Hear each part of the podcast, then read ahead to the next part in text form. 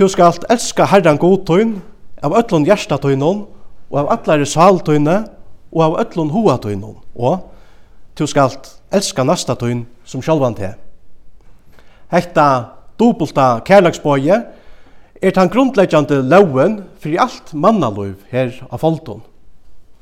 Hetta er tan djupa meiningin við løyvunum og grunden til at du og jeg er du her. God er sjálfur kærløyge, og han hefur skapa okkon til a liva i hansara kærleika. Og vi kunne ikkje skikva Guds kærleiks vilja vi okkara løyve til viks, utan at det kommer at merkjast og løyvnån av ein eller annan hatt. Er just hekti også ikke til at det er så nekv menneskje i det som strøyast vi møyningsløyse og i løyvnån Guds byrja. Hver annar enn okkara skapare kan fylla okkara gjørstu vi møyning og innihalte. Sverre er givet. Det er bæra god, kærlagans kjelta, som kan djeva løvnun sitt rætta innihald. Tog er det som nekve sanger og salmer skriveir om just dette. Til dømes Øssur Berghammer, Iskjør, Han gav løyven innihalt, innihald, og min sal kan synkja frukt. Han gav løyven noen innihald, og han fyllte hjärsta mutt. Tu som vannleser fjakkar om, og kan utve sutja kan, kom og gjev ditt hjärsta, ditt liv til frelsaren.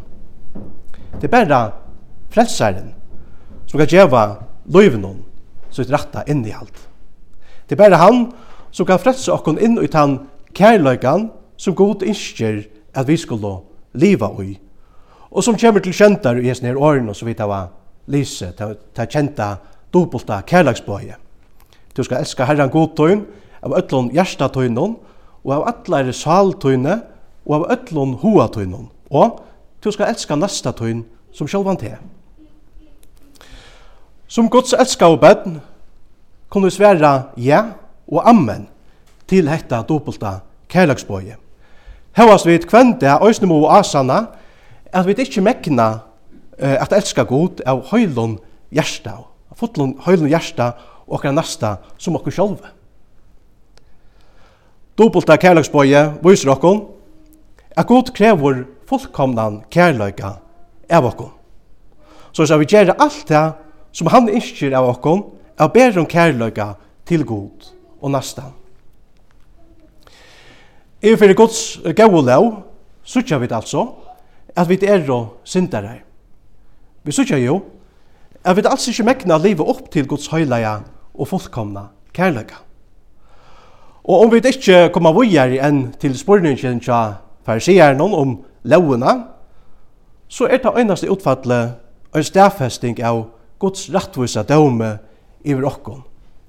Tøy som Paulus øysen sier, öll hava synda, öll. Og tøy må vantar Guds høyur til problemet. Men vi lovene er alt korsen ikkje sagt, tøy betre. Nei, så Paulus sier ein ærstande, så er loven våren ein ære til Kristus. Nekka som skumpar okkon til Kristus. Loven viser okkon at vi daglige forbrauta okkon i møte Guds gaua vilja, og at vi tøy hava bruk fyrir einon frelsara. Etta året frelsa er ta norrøn året som vikingar brukte om Jesus, ta tar tåk vi kristnare trygg. Året er seg saman av åren frujor og halsur. For at hindra trælun og jeg flutja var ein ringur sektor om halsen vi en er kjetuhøy. Men om træleren var frujavur, så var det her trælaringeren bråten. Nå var træleren fruihalsavur, altså frelstor. Og så er det sært særlig da vi lovene, Hon viser okkon okkara støvo som syndare.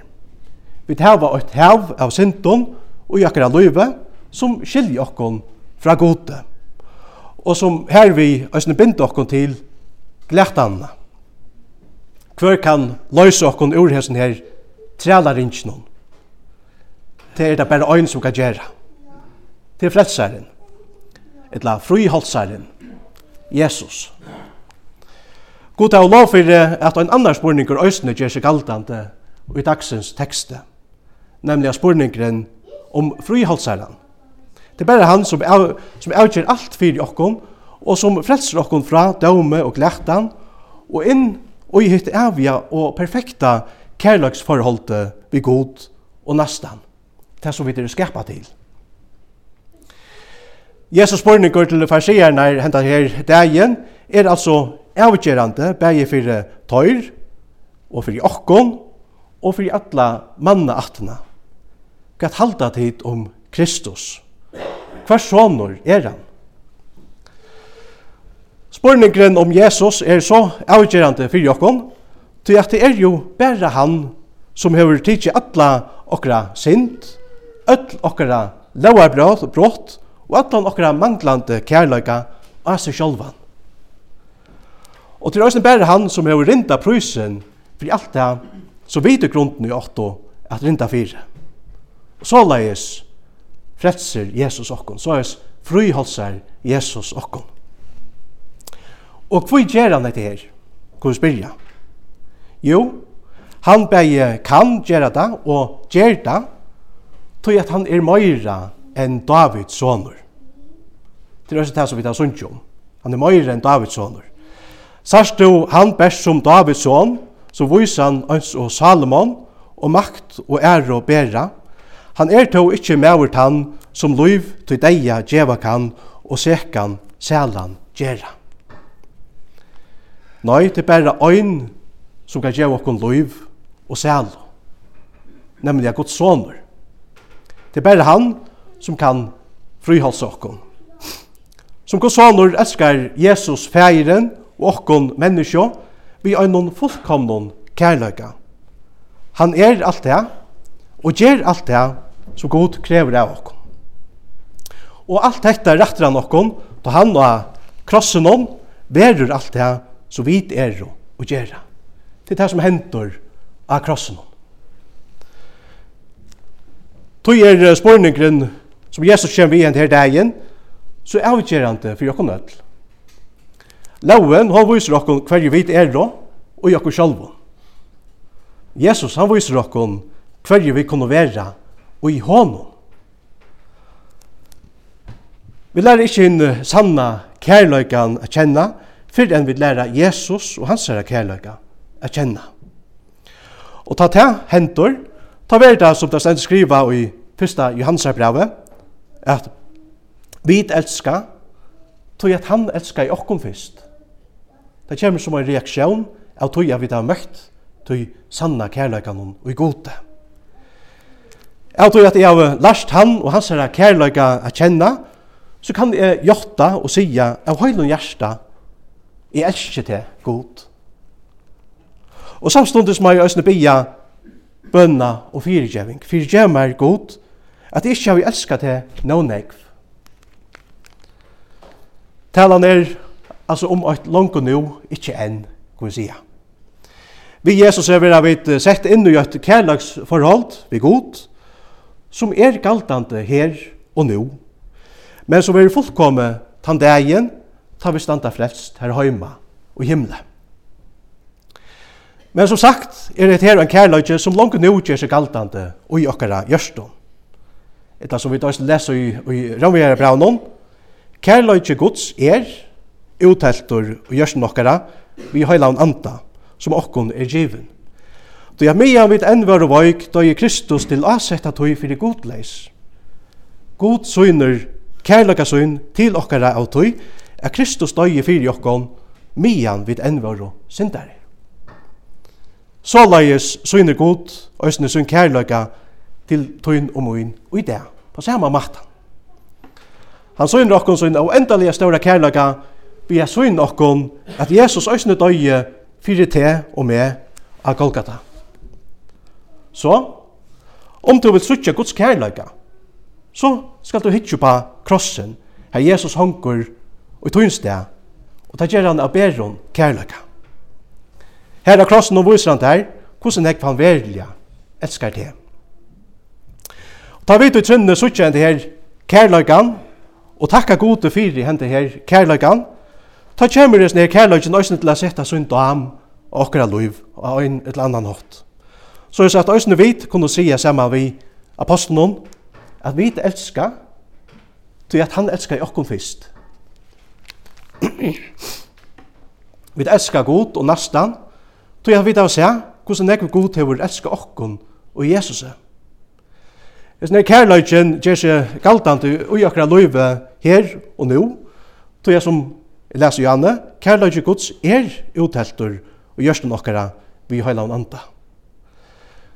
Samståndes vita vid, er vid, uh, så langt vi er jo her av folkdom, og jeg halte han må bia om å komme a lujtjast Jesus møyr og møyr, og han sier kærløyga.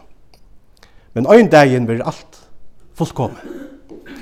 Heima i himle, fyrir vi at saulokkon og i Guds kærløyga, Og ta verður ikkje langur såleis at vi må be om fyrirgeving fyrir hekta at vi ikkje mekna at endurspekla hans er kærlega, til at ta er det som det stedet skriva, hitt fyrra er færre. Ta er det ikkje et problem. Hitt fyrra er færre. Jesus han elskar jeg ser farsierne som etter her dagen vil du sette Jesus fastan og i åren. Og ta tar så spyrir han om Guds lov og hva God krever av okkon menneskjon så börjar Jesus att snakka om seg själv. Det är nog så säger han till. Ta han spyr, gett halda tid om Kristus. Hva soner er han? Farsierne er sværa og Davids, til at han visste hva skriften sier. Kristus, etla Messias, ta mersi bæge, altså hinn salvaje, han skulle være av Davids akt, til ståre og kongeaktene. Men ut fra Salma 120 i Gamla Testamentet viser Gjestaimon at uh, tørra svær ikkje er nøktande.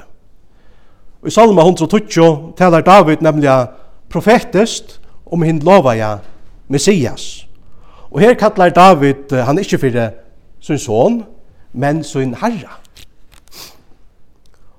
Og i heila hon anda kallar David altså Kristus fyrir herra. Det er navnet som annars vi brukt om sjálvan god.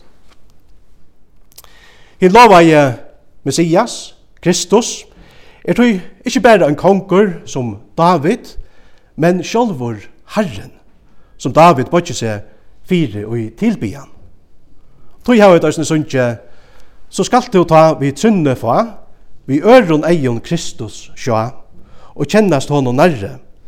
Ta sørst du, mor enn Davids son, at han bær luiv og vevn og lån, jeg er til god og herre. Etter det som Jesus vil hava hese her farsierne til a skilja.